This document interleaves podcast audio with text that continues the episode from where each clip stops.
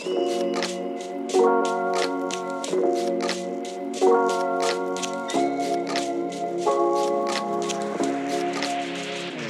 real good.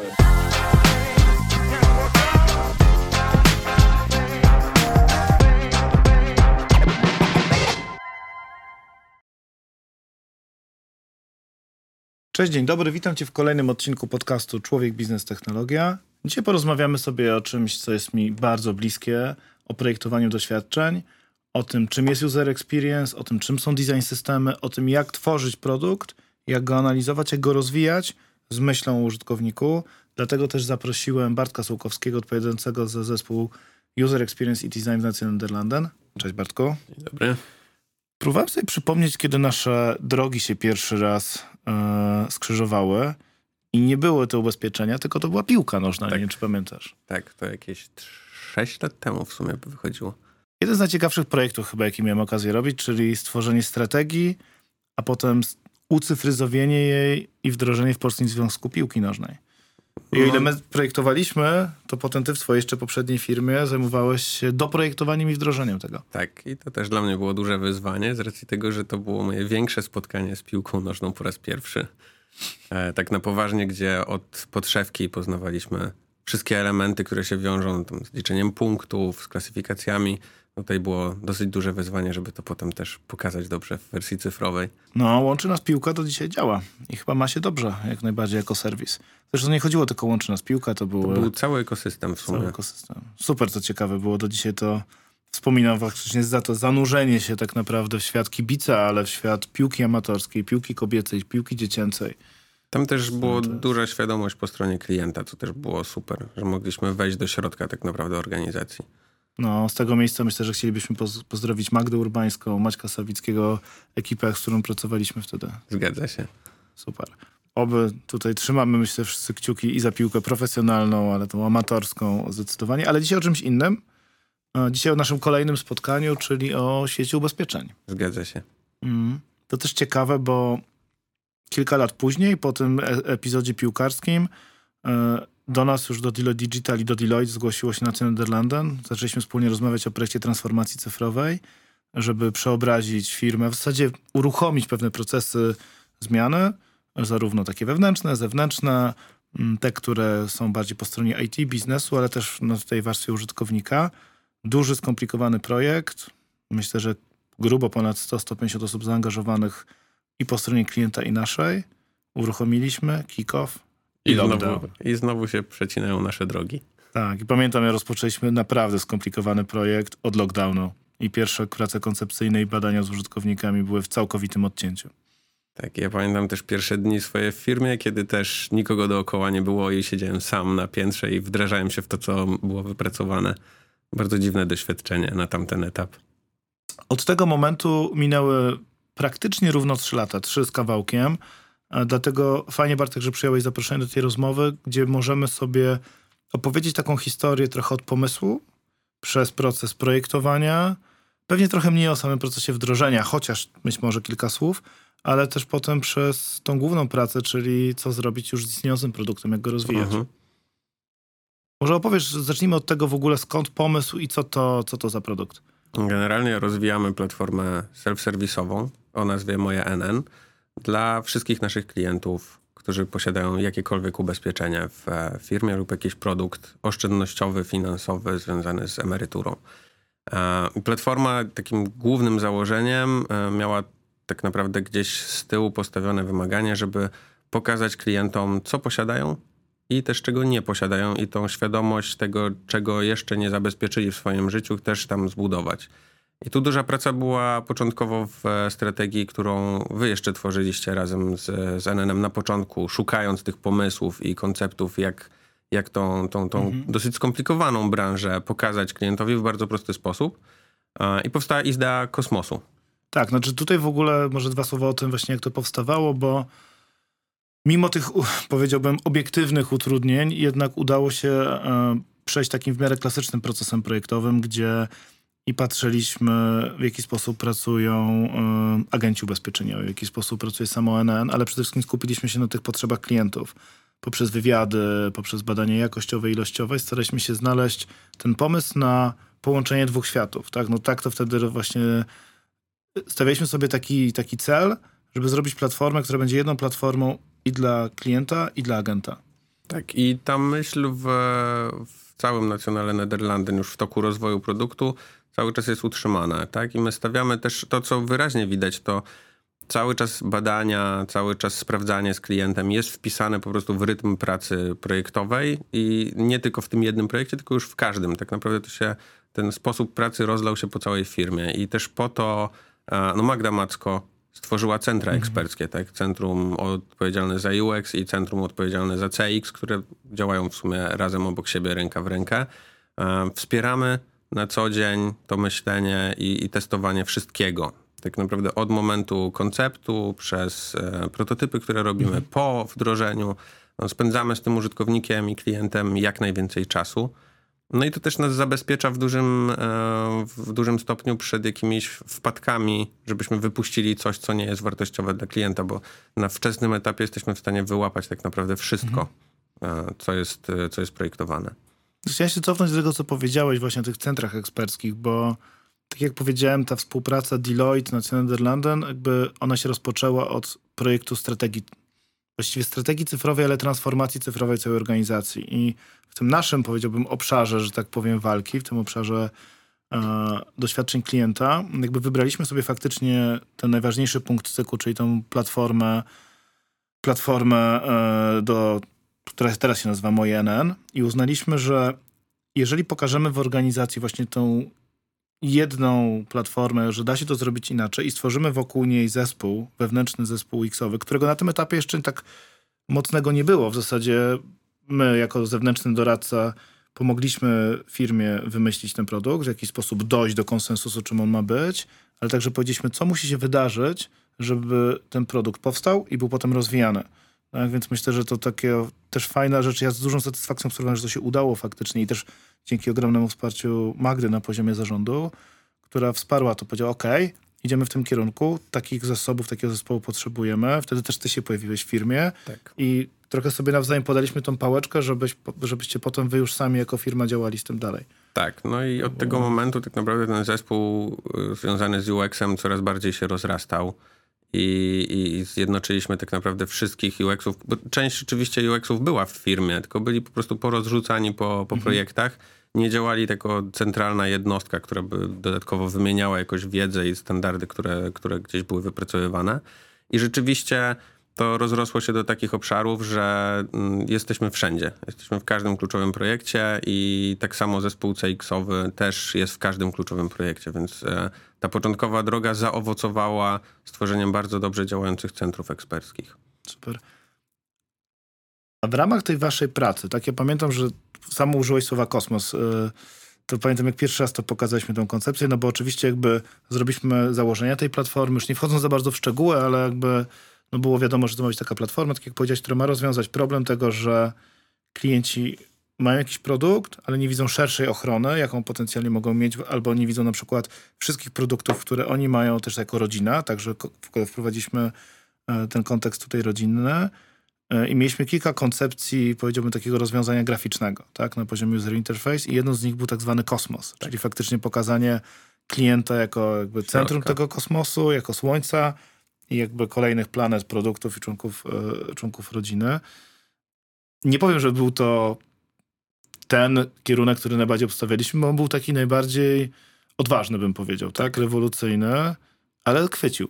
Tak, i też dużo pracy potem, jak po tym etapie, w którym wy tę e, koncepcję wypracowywaliście, duża zasługa tutaj Pauliny Garstki, która tym projektem zarządza. Mhm i gdzieś tą wizją też stara się mm, modelować to, co my do klientów dostarczamy.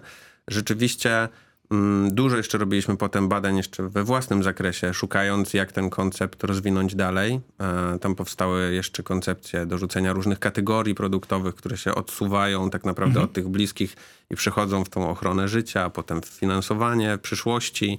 E, więc tych konceptów się jeszcze trochę badało. Ten projekt doszlifowaliśmy tak naprawdę.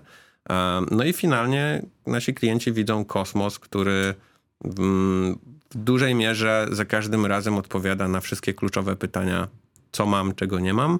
A jednocześnie, co jest fenomenalne, to że klienci na pierwszy rzut oka to rozumieją. Tam niepotrzebne jest jakieś specjalne wprowadzenie. Jest to dosyć prosty obrazek finalnie bardzo skomplikowanego świata ubezpieczeń, który tłumaczy w, dosłownie w chwilę to, co mam. Dokładnie, znaczy ta prostota jest jakby wiadomo docelową, docelowym celem designu tak naprawdę. Natomiast jakbyś mógł Bartek trochę opowiedzieć, bo też myślę, że dla naszych, dla naszych słuchaczy to będzie bardzo ciekawe. Jaka była ta droga właśnie od tego obrazka, tak, statycznego obrazka do momentu, kiedy powiedziałeś, badaliśmy z użytkownikami, żeby oni to zrozumieli i tak dalej, do działającego produktu. Też jako wy, jak wy jako design team działaliście, testowaliście, walidowaliście, być może zdradzisz jakieś, nie wiem, coś, co nasze wspólne założenia, bo nasze założenia były błędne na przykład.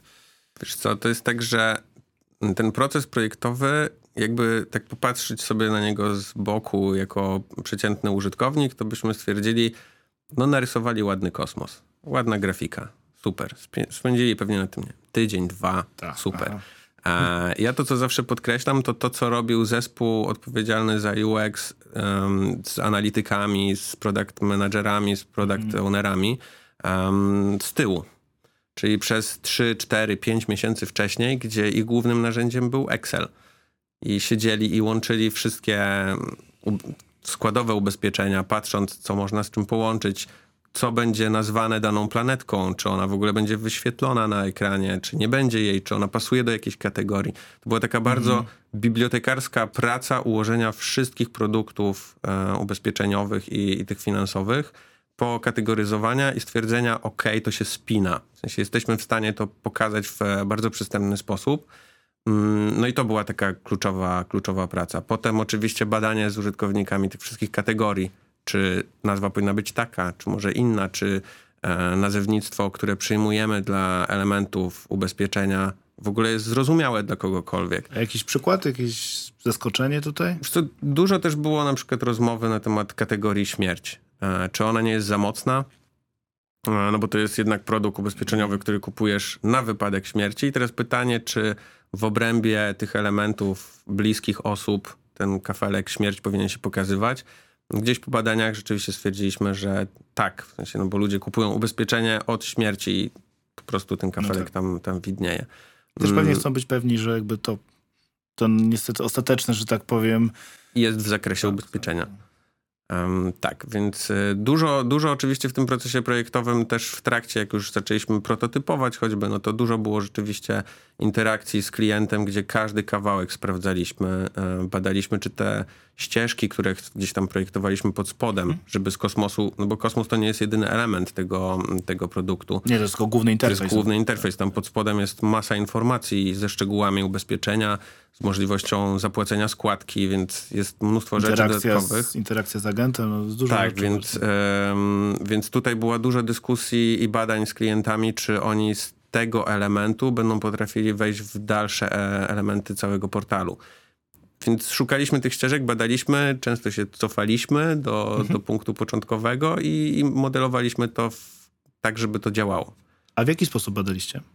Jakich metod używaliście? Co my w dużej mierze mm, po prostu zbieraliśmy badania takie typowo UX-owe z użytkownikami, którzy sobie oglądali prototyp, mieli zestaw e, pytań od moderatora i próbowali wykonać zadania.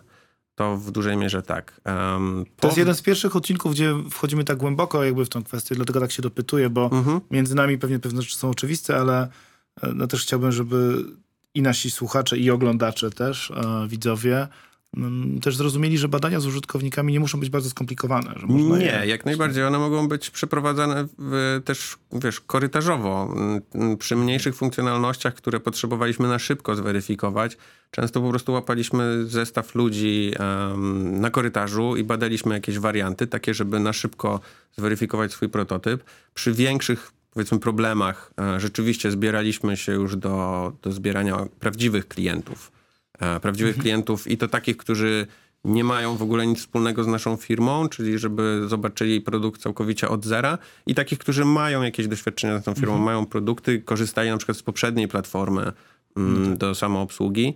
I tutaj zbieraliśmy ten, ten feedback. No jest też faza oczywiście friend and family, kiedy po prostu zbieramy członków naszych rodzin i z nimi też e, przeprowadzamy takie samo badania jak z klientami em, prawdziwymi, ale jest to grono takie powiedzmy mniejsze, bardziej kameralne do, do pierwszego feedbacku. No i chciałbym bardzo wszystkich też zachęcić właśnie do tego, że tak jak trochę mówisz, że czasami nawet w ramach zespołu projektowego można wyjść z pokoju, oczywiście w pracy zdalnej trochę trudniej, ale no w firmie pójść na korytarz, poprosić kilka osób do takiej pierwszej walidacji. Oczywiście wiadomo, że z perspektywy jakichś takich standardów badawczych, no to nie można tego traktować zbyt poważnie. Natomiast tak. no, Potem już takie też większe badania można robić wewnętrznie, można wziąć agencję zewnętrzną, natomiast... Plusem takiego podejścia wiesz, w ogóle otwarcia na, na badania jest to, że zespół e, i UX-owy, ale też osoby odpowiedzialne za projekt, czy właśnie mhm. ci analitycy, czy product ownerzy, otwierają się na ten feedback, który nie zawsze jest miły i przyjemny, no bo my też projektując rzeczy, no przywiązujemy się do nich. I nie mówię tutaj tylko o projektantach, tylko o wszystkich członkach zespołu i gdzieś z tyłu głowy musi nam zostać, że nie projektujemy dla siebie. Panie, projektujemy po... dla klienta. Panie powiedziałeś, że wykonywaliście też kroki wstecz, prawda? I to jest naturalna część procesu projektowego, tak? tak? Jakby prawdopodobieństwo, że trafimy od razu z docelowym rozwiązaniem jest bliskie zera, bym tak. powiedział, tak? Jakby pierwsza, druga, trzecia iteracja, cofnięcie się to jest całkowicie ok, tak? Znaczy mhm. trzeba po prostu to wziąć pod uwagę przy planowaniu czasu projektu, natomiast szczególnie w metodykach zwinnych to jest absolutnie naturalna część procesu. Tak. No plusem też e, takiego podejścia jest to, że jak już przechodzimy do kolejnych etapów, kiedy ten produkt jest już uruchomiony, działa i klienci po nim mm. sobie podróżują, no my też w narzędziach analitycznych dostajemy dodatkowy feedback, czy te rzeczy, które w badaniach um, jednak, no, badaniach, które nie są ilościowe, tylko są bardziej jakościowe, e, jesteśmy w stanie zweryfikować, czy te ścieżki ilo ilościowo nam zaczynają pracować. Mm. Tak? I wtedy możemy w razie czego wychwycić taką ścieżkę, która na przykład nie, zada, nie, dzia, nie działa tak, jakbyśmy chcieli i rzeczywiście na przykład na nią zaprojektować badanie takie pogłębiające, spotkać się z klientami, przedyskutować rzeczy. No właśnie, ten, rozmawialiśmy sobie o tych metodach, które stosowaliście w trakcie pracy nad uruchomieniem produktu, ale już nawiązałeś do tego, jak zbieraliście feedback, czy w jaki sposób pracowaliście nad optymalizacją już po uruchomieniu. Tak. My obserwujemy dane z używania platformy typowa analityka webowa, na której obserwujemy sobie ścieżki konwersji. Mamy ustawione mm, wszystkie ścieżki, po których się klient porusza. Wiemy, jak one wyglądają i jak chcemy, żeby wyglądały, gdzie się kończą sukcesem, a gdzie się kończą dla nas jakimś porażką, porzuceniem tego, tego procesu kluczowego dla klienta. Mm, tak naprawdę je obserwujemy. Obserwujemy, czy, czy one się realizują, jaki mają właśnie procent odrzuceń i w ten sposób wiemy, czy tam są jakieś problemy, czy nie są.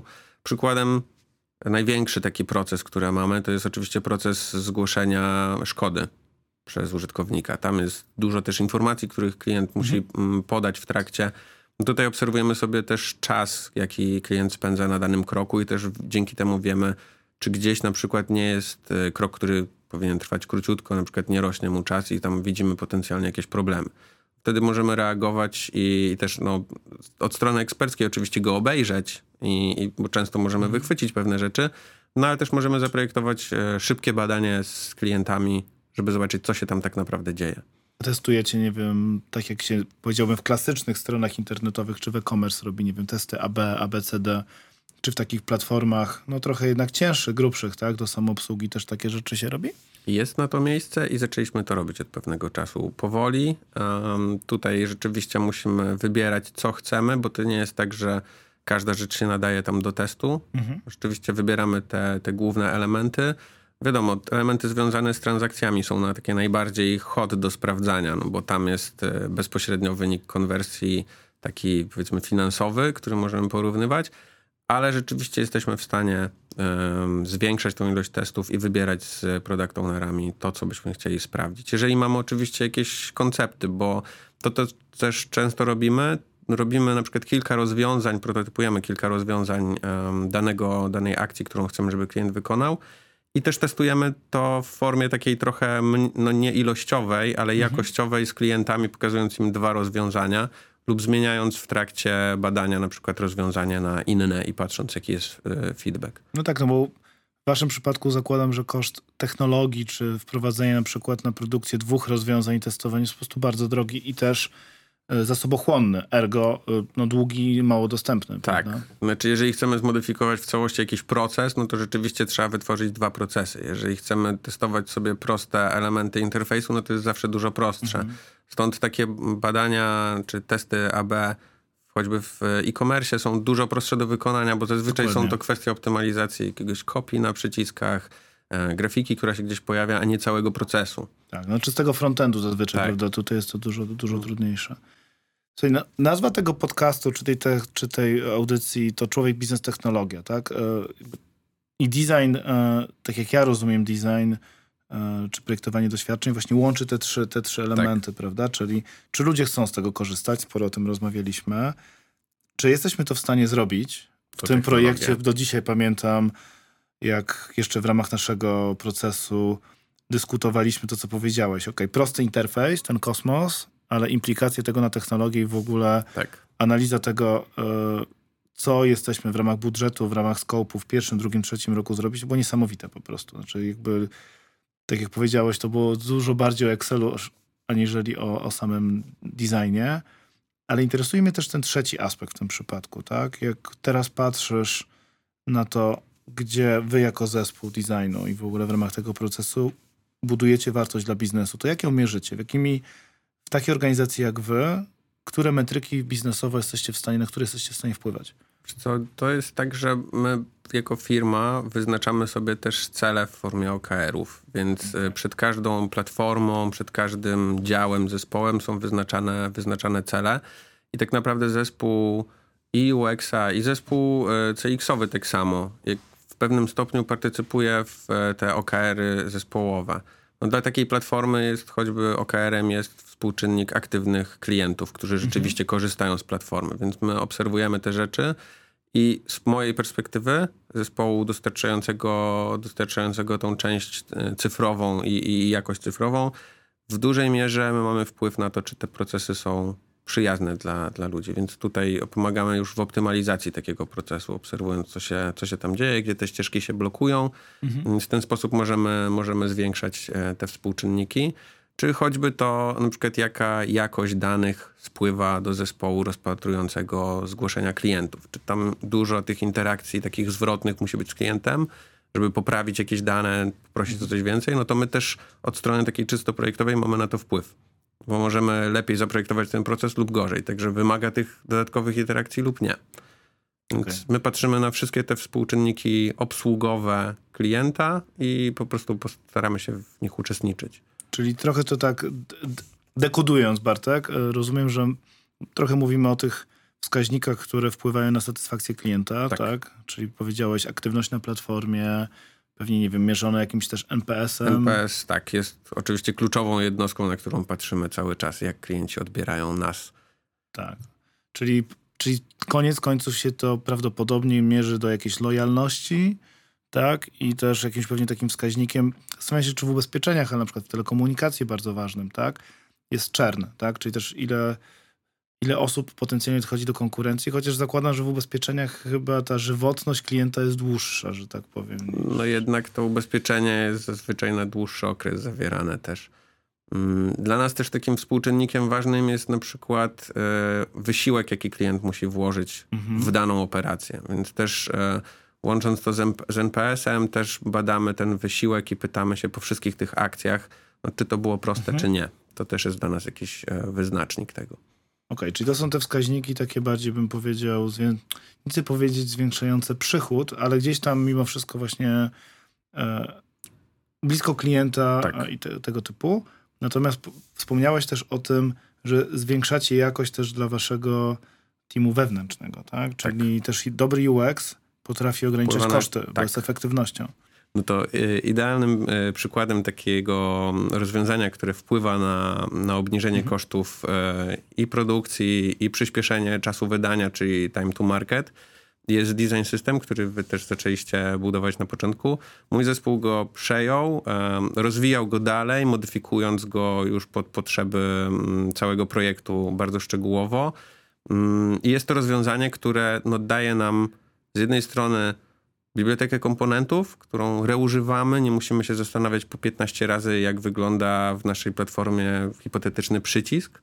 Mm, jednocześnie mój zespół pracuje nad tym no już przez trzy lata ostatnie, e, żeby nie mówić o komponentach, żeby nie mówić o elementach interfejsu, tylko żeby mówić o wzorcach projektowych. Mhm.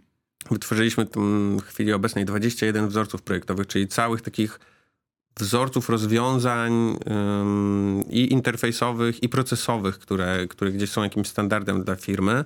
Co może być takim wzorcem na przykład? Wiesz co, przykładowo takim wzorcem większym będzie na przykład sposób nawigowania po aplikacji, który przenosimy między produktami już NN-u. E, chcemy, żeby ten na przykład klient miał jedno wrażenie spójnej platformy, niezależnie czy jest w moje NN, czy wejdzie na naszą stronę internetową, czy przełączy się do platformy, w której zarządza swoim IKE. I e, budujemy wzorce i elementy takie łączymy ze sobą, żeby pokazać no, ten jeden spójny świat. Więc weszliśmy na taki etap, że tych wzorców rzeczywiście jest 21 rozprzestrzenionych po całej firmie. Jesteśmy w stanie je reużywać. E, no a to przyspiesza maksymalnie pracę zespołu projektowego. Finalnie design system też przyspiesza maksymalnie pracę deweloperską, no bo elementy interfejsu, z których korzystamy, po prostu nie muszą być kodowane za każdym razem, tylko mogą być reużywane z biblioteki. Że weszliśmy dosyć szybko i dosyć głęboko. Tak. E, trochę się cofnę. Przez całe lata jakby myślę, że dla wielu słuchaczy dosyć, pracujących szczególnie w dużych firmach, naturalnym było, że na przykład są jakieś takie, nie wiem, wytyczne brandowe, prawda? Jest jakiś brand book albo brand guidelines. Tak. Zazwyczaj przez całe lata to było jakiś jeden PDF, tak? Mniej bądź bardziej skomplikowany, który jakby definiował, ok, jak używamy logotypu, jakiej kolorystyce, jaką mamy paletę kolorów, jakie mamy, nie wiem, E, tło ochronne, czy ten obszar ochronny mhm. i tak dalej. Statyczny dokument, który generalnie rozwijając jakikolwiek produkt, projekt w firmie, trzeba było, że tak powiem, być z nim w zgodności. Tak? Mm, natomiast no, obecny świat jest dużo bardziej dynamiczny, więc nawet takie, powiedziałbym, wytyczne brandowe zamieniły się w większości firm w jakiś brand space. Nie wiem, część intranetu, gdzie mogę sobie e, jakby wejść w tę interakcję, pobrać sobie jakieś materiały, pobrać e, fonty, pobrać ikonografię i tak dalej. Natomiast design system jest czymś podobnym, tylko dla tworzenia produktów, dla tworzenia rzeczy cyfrowych i też na początku mówiło się o czymś takim jak bardziej taki, nie wiem, UI kit, czyli zestaw elementów wizualnych, to co powiedziałeś, komponentów. Tak. Jak wyglądają przyciski, jak wyglądają ikony, jak wyglądają poszczególne formularze na przykład, prawda, tego typu rzeczy. To samo w sobie ułatwia tworzenie spójnych rzeczy. Natomiast dobry design system jest żywym organizmem. No to jest, my tak zdefiniowaliśmy design system, że jest to de facto produkt naszej firmy. To nie jest mhm. jakaś tam biblioteka właśnie komponentów, czy taki um, element właśnie związany z brandem, typowy PDF, który gdzieś tam jest rzucony w, w zasoby intranetu. Tylko rzeczywiście jest to produkt, który żyje. E, każdy, akurat w naszym przypadku, każdy uczestnik Centrum Eksperckiego UX-a partycypuje w rozwój i utrzymanie. Każdy ma wpływ, e, każdy dopisuje elementy mhm. dokumentacji, na bieżąco zgłasza też potrzeby, gdy coś się zmienia, bo to nie jest element, który zrobiliśmy raz i zapominamy i teraz sobie używamy w każdym projekcie, tylko na przestrzeni tych trzech lat zmieniliśmy w nim miliony rzeczy, e, miliony elementów e, i od strony takiej czysto brandowej, przychodzi do nas nowy font i musimy teraz wszystko mhm. wymienić, Um, hipotetycznie, gdybyśmy zmienili kolorystykę, to też robimy to z abstryknięciem palca dzięki temu. E, ale też dodajemy kolejne elementy. My jesteśmy na takim etapie, w którym rozmawiamy o takim pojęciu flexibility of design system, mm, no bo inne potrzeby mają produkty i klienci z platform tych zewnętrznych dla klientów, mhm. a inne na przykład agenci i pracownicy naszego call center, dla których też okay. tworzymy w ramach design systemu rozwiązania. Więc dyskutujemy o tym, jak możemy ten design system dostosowywać i dzięki temu, że on jest zbudowany w taki sposób i ten zespół się nim opiekuje, jest to milion razy bardziej optymalne i szybsze, niż gdyby tego nie było. Tak, warto też powiedzieć, że design system jest narzędziem, które może być stosowane i wewnętrznie, i zewnętrznie. Tak? Jeżeli firma na przykład rozwija część produktów albo stron internetowych, jakichś punktów styku z klientem sama, ale na przykład też korzysta z firm trzecich, tak? z jakichś partnerów, to żeby zachować spójność i żeby to wszystko ze sobą gadało i wyglądało z perspektywy klienta spójnie, to design system jest takim rozwiązaniem, bo można nawet do umowy wpisać ze swoim partnerem podwykonawcą. Wymagalność użycia design tak, Musisz go po pierwsze musisz z niego korzystać, to też przyspiesza efektywność, no bo wprowadzasz taką firmę, mówisz, tak mam design system, proszę korzystać z tych komponentów, kropka. Tak, i też szczegółowa dokumentacja, w której masz to wszystko opisane, też przyspiesza onboarding takiej firmy maksymalnie, bo już nie ma dyskusji o tym, e, jak coś ma być zrobione, czy może być tak, czy inaczej. Po prostu mamy na to dokument, który tak naprawdę przyspiesza tą pracę. I też tych interakcji, potem marnowania czasu po stronie firmy zewnętrznej, która robi milion wersji rozwiązania i potem się odbija od klienta docelowo, że nie tak, bo tu nie możecie tego zrobić w ten sposób. Tak naprawdę mm, e, niwelujemy to do, do minimum. I my działamy w taki sposób, że ten, podjęliśmy w ogóle taką decyzję, że design system działa w takich aspektach i wewnętrznych, gdzie stosujemy nasze rozwiązanie i wizualnie, i UX-owo, i technicznie naszą bibliotekę. Mamy klientów, którzy integrują się z taką biblioteką i po prostu ją używają. Mamy zewnętrzne firmy UX-owe, które też korzystają z naszej przestrzeni, z naszych rozwiązań wizualnych i, i związanych mhm. z doświadczeniem klienta. No ale też mamy rozwiązania takie, gdzie ta część techniczna na przykład nie jest wdrażana i z różnych względów e, związanych, nie wiem, niepasującej technologii i jest tak jakby kopiowana na mhm. podstawie wytycznych. To też maksymalnie przyspiesza tą pracę. Tak, bo też warto powiedzieć, że design system, znaczy on może mieć różne warstwy, tak? Znaczy tak. można go stosować na poziomie czysto wizualnym, ale można go też stosować na poziomie już działających komponentów, gdzie deweloperzy de facto, tak jak powiedziałeś, nie wiem, biorą dany wzorzec nawigacji i go na poziomie frontendu po prostu implementują. Tak, wrzucają i, i, i jest, działa. działa. I nie ma wtedy dyskusji o tym, czy on jest dobry, czy zły, bo jest identyczny z tym, który stosujemy w całej firmie. A dla jakich firm według ciebie design system to jest dobre rozwiązanie? Dla tych, które posiadają więcej niż jeden produkt, albo posiadają produkt, który jest bardzo skomplikowany. E, jeżeli jest to przykładowo prosty e-commerce, w którym no nie ma jakichś trudnych um, elementów związanych ze ścieżkami klienckimi, tych mhm. ekranów samego systemu jest niedużo, to może będzie to przerost formy nad treścią, a może jesteśmy w stanie wykorzystać coś gotowego, co jest dostępne też na rynku. E, ale jeżeli już mamy produkty, no takie jak choćby nasza platforma, czy to, że u nas jednak tych produktów też jest dużo więcej pod spodem, no to to już jest taki dla mnie minimum higieny e, takiej pracy codziennej. To jest rzeczywiście biblioteka hmm. elementów, która ułatwi tą, to potem utrzymanie tego, a design system jest takim no, wierzchołkiem góry lodowej, który jak osiągniemy, to przynajmniej będziemy bardzo spójni i też ta praca będzie naprawdę bardzo optymalna. W chwili obecnej my jesteśmy na etapie, w którym około 16 różnych produktów, mniejszych, większych, e, korzysta z design systemu. I, I, widzimy tą spójność, jak się przełączamy między narzędziami, um, no to widać po prostu tą trzyletnią pracę, że ona działa i daje efekty też. Tak, no to, to też jest takie narzędzie pewnej rodzaju transformacji i zmiany. Ja pamiętam, no wielu moich klientów miało taką sytuację, gdzie nie wiem, Pamiętam takiego klienta z branży motoryzacyjnej, gdzie jak zaczęliśmy z nim pracować, to wskutek dynamicznego rozwoju firmy przez mniej więcej 15 lat, jak policzyli liczbę stron internetowych, które wokół różnych brandów i procesów narosły, to było około 150 stron. 150 serwisów, tak? W różnych technologiach, z różną grafiką, z różnym podejściem do nawigacji, do zarządzania, ale z perspektywy użytkownika jakby to był jeden ekosystem, to powinien być jeden ekosystem. I design system, gdybym go teraz znał, to było 8 lat temu, w ogóle podejście do tego, no to, to dokładnie było to narzędzie, które mogłoby przeprowadzić problem. firmę przez zmianę, tak? No bo to też nie jest tak, że zrobisz od razu wszystko. Zazwyczaj warto wybrać sobie jeden, dwa serwisy, gdzie go, tak jak u was właśnie go wdrażasz i potem to poprzez tą dobrą praktykę e, osmozę w pewnym sensie może się rozchodzić, prawda? Tak, no ja uważam, że w ogóle to podejście, które założyliśmy sobie w firmie było bardzo dobre, czyli design system postawał na kanwie jednego produktu, spełniał jego mhm. wymagania. Nie robiliśmy biblioteki wszystkich kontrolek, wszystkich wzorców projektowych, mhm. które byśmy mogli sobie wymyśleć, tylko robiliśmy to, co jest nam potrzebne. I potem przetransformowanie tego na kolejny produkt wymagało raczej dorzucenia rzeczy, których nam brakowało, ale też przyspieszało tą pracę taką, że to był produkt, który można było stosować od zaraz. Tak. No ja miałem takie dwa przykłady. Y, jeden był dla wiodącego wiodącej firmy medycznej z prywatnymi usługami medycznymi w Polsce, gdzie projektowaliśmy aplikację do de facto portal pacjenta, aplikację i portal pacjenta y, i wokół tego właśnie powstał zalążek design systemu, taki UI kit który obejmował te podstawowe procesy, tak jak mówisz. No ale potem, wiesz, 2-3 lata i firma już go wprowadza do kolejnych, do e-commerce'u, do, do narzędzi dla lekarzy. To był jeden przykład. A drugi obecnie pracujemy dla Międzynarodowego Komitetu Olimpijskiego.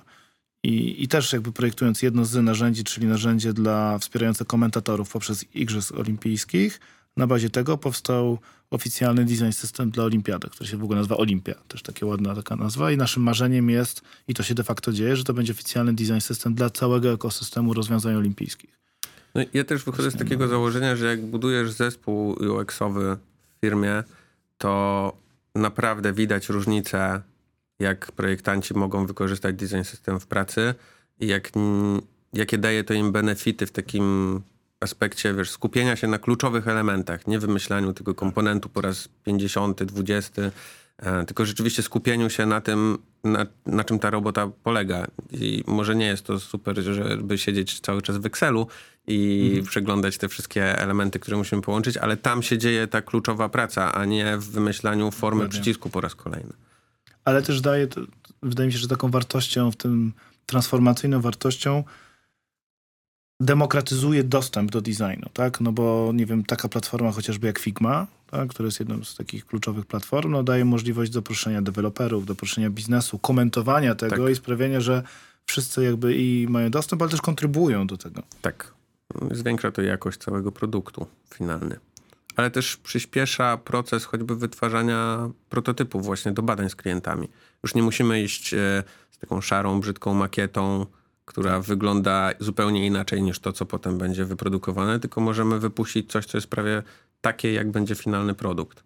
Mi się wydaje, że chyba czasy już szarych makiet... Całe szczęście minęły. Minęły. To już tylko takie dinozaury, jak my mogą pamiętać chyba. No. Znaczy to w ogóle zachęcam do tego, żeby korzystać z nowoczesnych narzędzi, jak mm. najszybciej dochodzić jednak do, może nie finalnego, ale jednak wizualnego designu. Zbliżonego. zbliżonego i nie testować na szarych obrazkach. Znaczy to też ma wartość, oczywiście. Lepsze takie testowanie niż żadne i dyskusja, E, ale powiedziałbym kartka papieru, a potem naprawdę w tej chwili rzeczywistość nam tak pomaga, że jesteśmy w stanie w ciągu dwóch, trzech dni sprowadzić to do już wizualnego, klikalnego, My na bieżąco mierzymy na przykład użycie design systemu w zespole UX-owym w formie pewnych e, cyklicznych ankiet, które są wysyłane mhm. do, do, do, do, projektantów.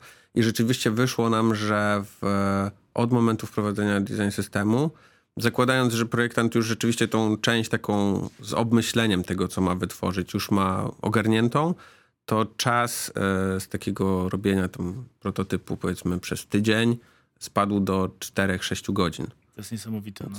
Przyspieszenie jest maksymalne. Tak naprawdę ci ludzie mogą się teraz zająć tym, co jest kluczowe, a nie wyklikiwaniem prototypu. I to dla ludzi, którzy nie znają, co stoi za tym, to jest w ogóle szok. Na zasadzie, ale jak to, to już? To już tak. działa?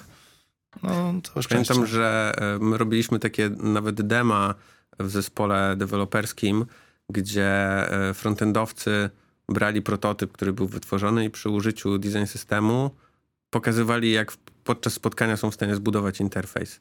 Tak. I to robiło też e, te dwa, trzy lata temu wrażenie na całym zespole, jakie to było tempo tak naprawdę.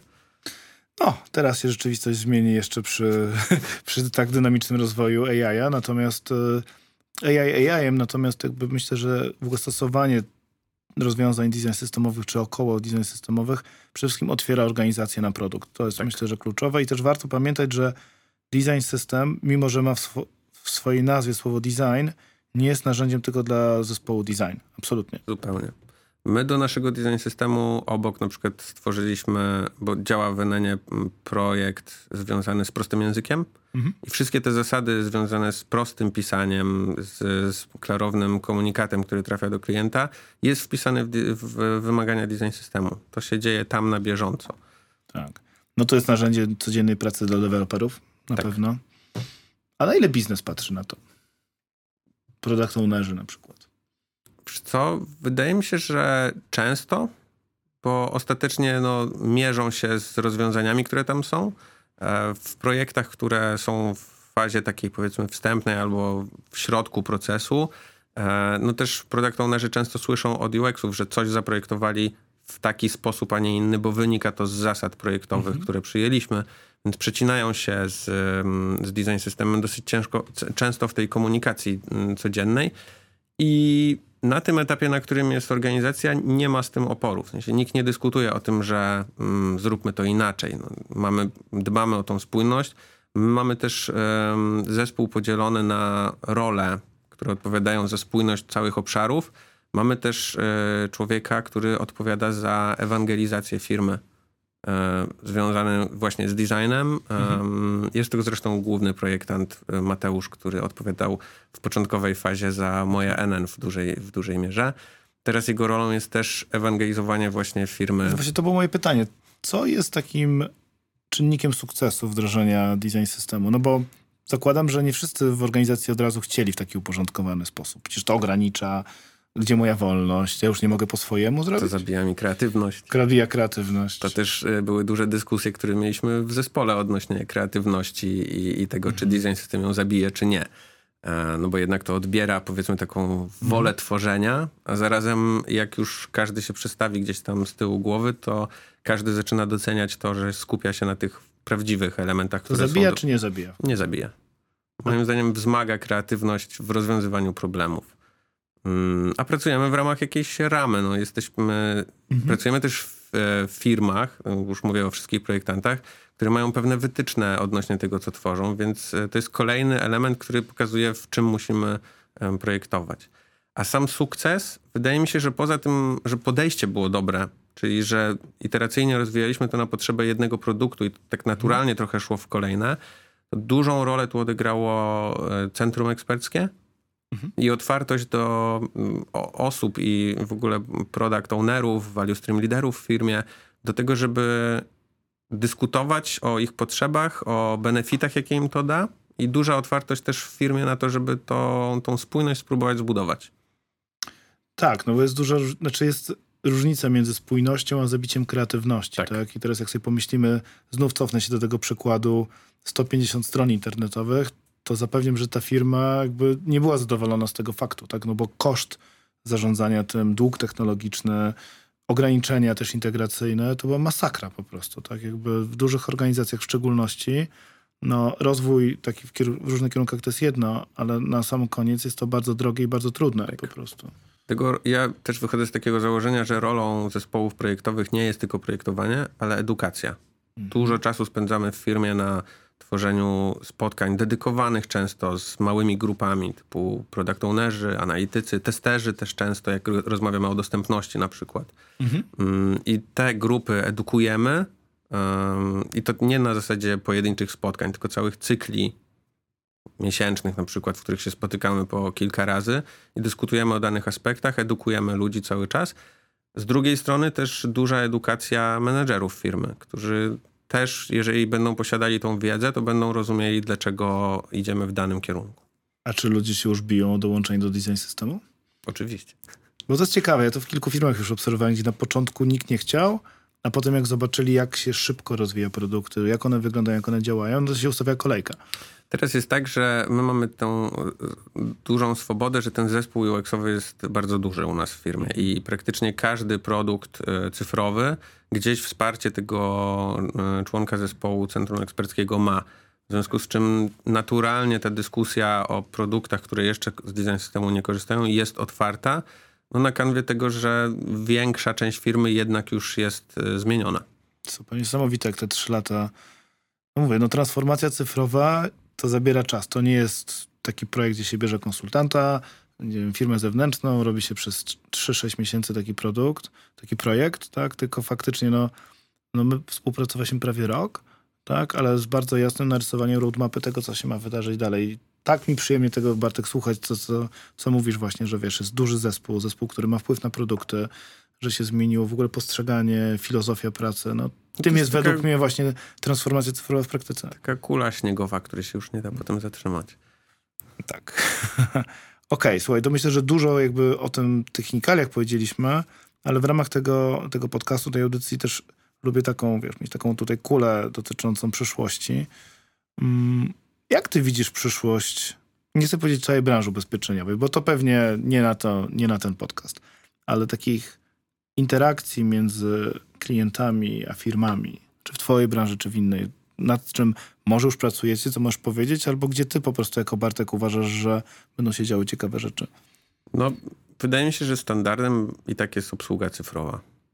I platformy cyfrowe są i będą, i będą tylko coraz lepsze i będą przejmowały pewnie większą część interakcji z klientem, tych takich, które klient może sam wykonać oczywiście, bo są rzeczy, których e, klienci potrzebują wsparcia, potrzebują, żeby ktoś był po drugiej stronie mm, i to jest naturalne, ale też ze wszystkich badań, które my gdzieś robimy, ta gotowość do obsługi takiej samodzielnej, cyfrowej w każdej kategorii wiekowej jest wysoka. I to nie jest tak, że teraz ten mit osoby starszej, która ma problem z obsługą e, komputera czy obsługą jakiejś aplikacji jest prawdziwy, bo te osoby chcą korzystać jak najbardziej. Więc Co teraz to znaczy w ogóle osoba starsza w obecnych czasach? Wszyscy jesteśmy młodzi. E. Ale, ale, ale prawda jest taka, że e, jeżeli uwzględnimy potrzeby związane z dostępnością, Mhm. to każdy, kto ma dostęp do telefonu, każdy, kto ma dostęp do komputera, jest jak najbardziej w stanie sam się obs- obsłużyć w pewnych aspektach i ludzie tego chcą.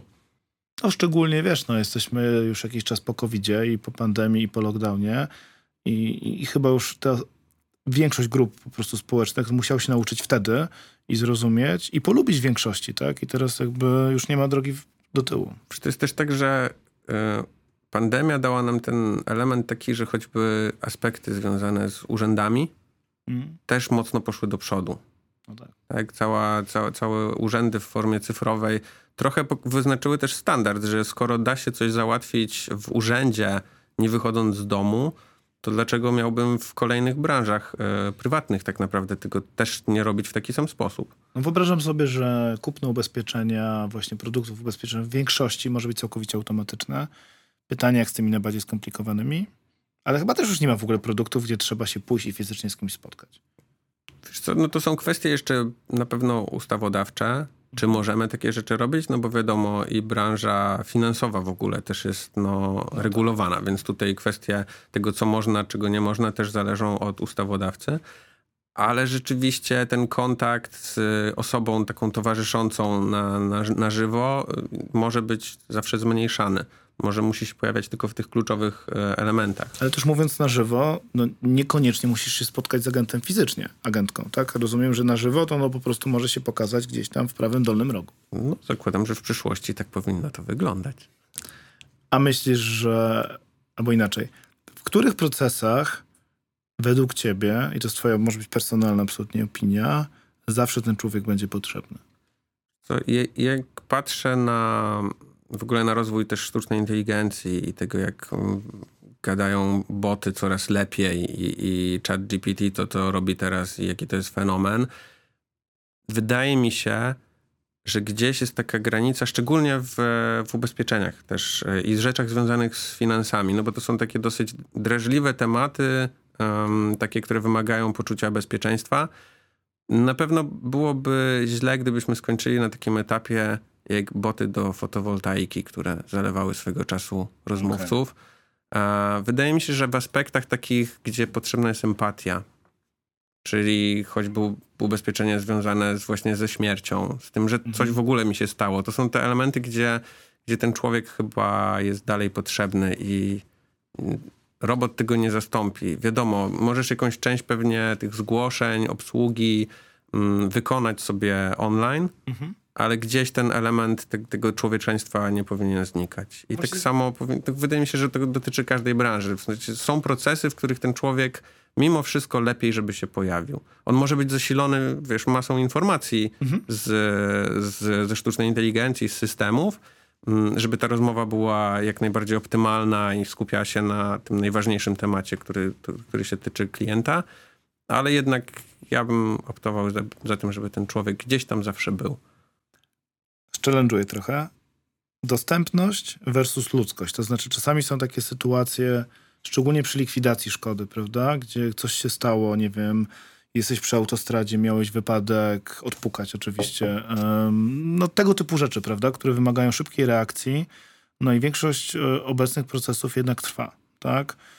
Czekam na połączenie z call center, to call center potem się łączy z agentem na miejscu w jakimś kraju i, no i często ten poszkodowany no czeka kilka godzin jednak. I tak się zastanawiam, czy w takim przypadku nie wiem, ostatnio miałem taką sytuację na nartach. No niestety się przewróciłem, koniec końców nic się nie stało, ale zanim trafiłem nawet, zanim trafiłem do lekarza minęło z 7-8 godzin, tak? I wtedy chyba wolałbym nie rozmawiać z ludźmi, nawet niech ta sztuczna inteligencja to zrobi, tylko żeby to się wydarzyło. Byłoby super. No ale właśnie... Jeżeli twoje, twoje doświadczenie z takiego procesu byłoby rzeczywiście pozytywne, to okej. Pytanie, czy nie powinno być zawsze jakiegoś bezpiecznika, w którym jesteś w stanie wywołać żywego konsultanta, który gdzieś da ci zapewnienie, No że coś się no. toczy. To też pytanie, jak te procesy będą zbudowane i jakie ty będziesz miał wrażenie w trakcie. Czy Albo będziesz jakim- czuł się zaopiekowany? Albo czy będę miał wybór. Albo właśnie, czy będziesz miał wybór, ale też czy będziesz miał uczucie, że no, ten robot po drugiej stronie zapewnia ci, mm, że to się toczy. Tak, no Tak? Jakie będzie statusowanie tej twojej sprawy. Mm, Plusem zawsze kontaktu z człowiekiem jest to, że on ci powie, że zaczyna tam coś robić. Potem czekasz, wiadomo, czekasz, tak? Ale wiesz co, ja miałem, znaczy, nie powiem, która to była firma, to w ogóle nie ma większego znaczenia, ale naprawdę miałem takie poczucie, że chyba wolałbym porozmawiać z robotem. Jasne, jak... y, Bo by roz- znał odpowiedzi na wszystkie pytania, bo byłby precyzyjny, bo byłby szybki. Tutaj to naprawdę, ale to mówię, no to Wiesz, jak rozwaliłem się samochodem na środku ulicy i wysiadła mi skrzynia biegów i po prostu stałem na środku, nie mogąc ruszyć samochodu i powodując maksymalny korek na Gruchowskiej. E, pewnie też bym wolał, żeby, żeby obsługa była na już, żebym nie No. miał jeszcze tego elementu wstydu na środku, bo nie ruszę samochodu z zablokowaną skrzynią. Znam to. Em, więc pewnie Tak. wtedy robot byłby bardziej wartościowy. E, zarazem zapewnienie pani na infolinii, że laweta już jedzie, też Ale było być- okej. Ale być może, wiesz, być może to, co mówisz, czyli to jest przyszłość, że to jednak będą ludzie, ale wsparci w backendzie wszystkimi tymi procesami po prostu zautomatyzowanymi, żeby oni mogli być tym bardzo efektywnym, ludzkim interfejsem dla ciebie. Mhm. Nie, Bartek, nie przejmuj się. Wiem, że jesteś na środku Grochowskiej, ogarniamy, to już się dzieje, kropka, tak? Versus, no tak, no to jest... Ja zawsze szukam z takich optymistycznych nadziei dla nas, jako dla ludzi jeszcze i to może takie jest właśnie. No. Ja myślę, że będziemy mieli ciekawe doświadczenia. Myślę też, że praca projektantów bardzo mocno będzie ulegała zmianie. Hmm. Też będziemy się mogli obłożyć pewnymi narzędziami, które nam pomogą w projektowaniu i czasami zwrócić uwagę na coś, czego nie widzimy też w czasie badań może. To na pewno. Ale też no, będziemy projektowali też chyba kompletnie nowe punkty styku, prawda? No jakby, wiesz, no jakby obecnie większość naszej pracy, gro naszej pracy w produktach cyfrowych, jakby, no to dotyczy albo dużego ekranu, albo takiego średniego dotykowego, tego albo tego najmniejszego dotykowego, tak? A jednak przyszłość to są interfejsy głosowe, tak? To będą interfejsy związane, nie wiem, z rozszerzoną rzeczywistością, zmiksowaną rzeczywistością. Jak na to patrzysz? Choćby z dyskusją z botem, bo to też będziemy przecież projektowali w jakimś stopniu. Interfejs głosowy, Tak. prawda? No nie tylko głosowy, właśnie. Właśnie pisany też, bo pytanie, I- czy też wszyscy będą, tak, pytanie, czy też wszyscy będą chcieli, wiesz, rozmawiać, tak? Ten, czy, czy to też nie pójdzie w kierunku, że chcą komunikacji, wiesz, prostym tekstem i odpowiedzi. E, No, będzie ciekawie. A ozna... No wiesz, pytanie, kiedy dojdziemy do momentu, kiedy będzie obowiązek oznaczania, że coś jest botem. Już chyba jest. Ja ale czekam tak naprawdę na jakieś decyzje na poziomie Unii Europejskiej, ustawodawcy, bo to jest aspekt, który na pewno musi być jakoś uregulowany, żebyś wiedział też z kim rozmawiasz. Wiesz, to nie jest przypadek, że we wszystkich powieściach i filmach science fiction androidy były niebieskie. Znaczy po prostu, tak? Jakby no, w pewnym momencie jako człowiek to będzie nierozróżni- nierozróżnialne i ChatGPT już według mnie pokazuje, że to jest już dzisiaj. Tak. To już jest dzisiaj. I pewnie docelowo wolałbyś wiedzieć, że rozmawiasz z jednostką sztuczną, a nie z prawdziwym człowiekiem po drugiej stronie. To prawda, to prawda. Bartek, bardzo Ci dziękuję za rozmowę. Mam nadzieję, że zespół się będzie dalej rozwijał. No i co, tylko Ci chyba w takim razie życzyć powodzenia, czy na polu cyfryzacji ubezpieczeń, piłki nożnej, czy wszelkich innych Twoich przygód. Dziękuję. Dzięki.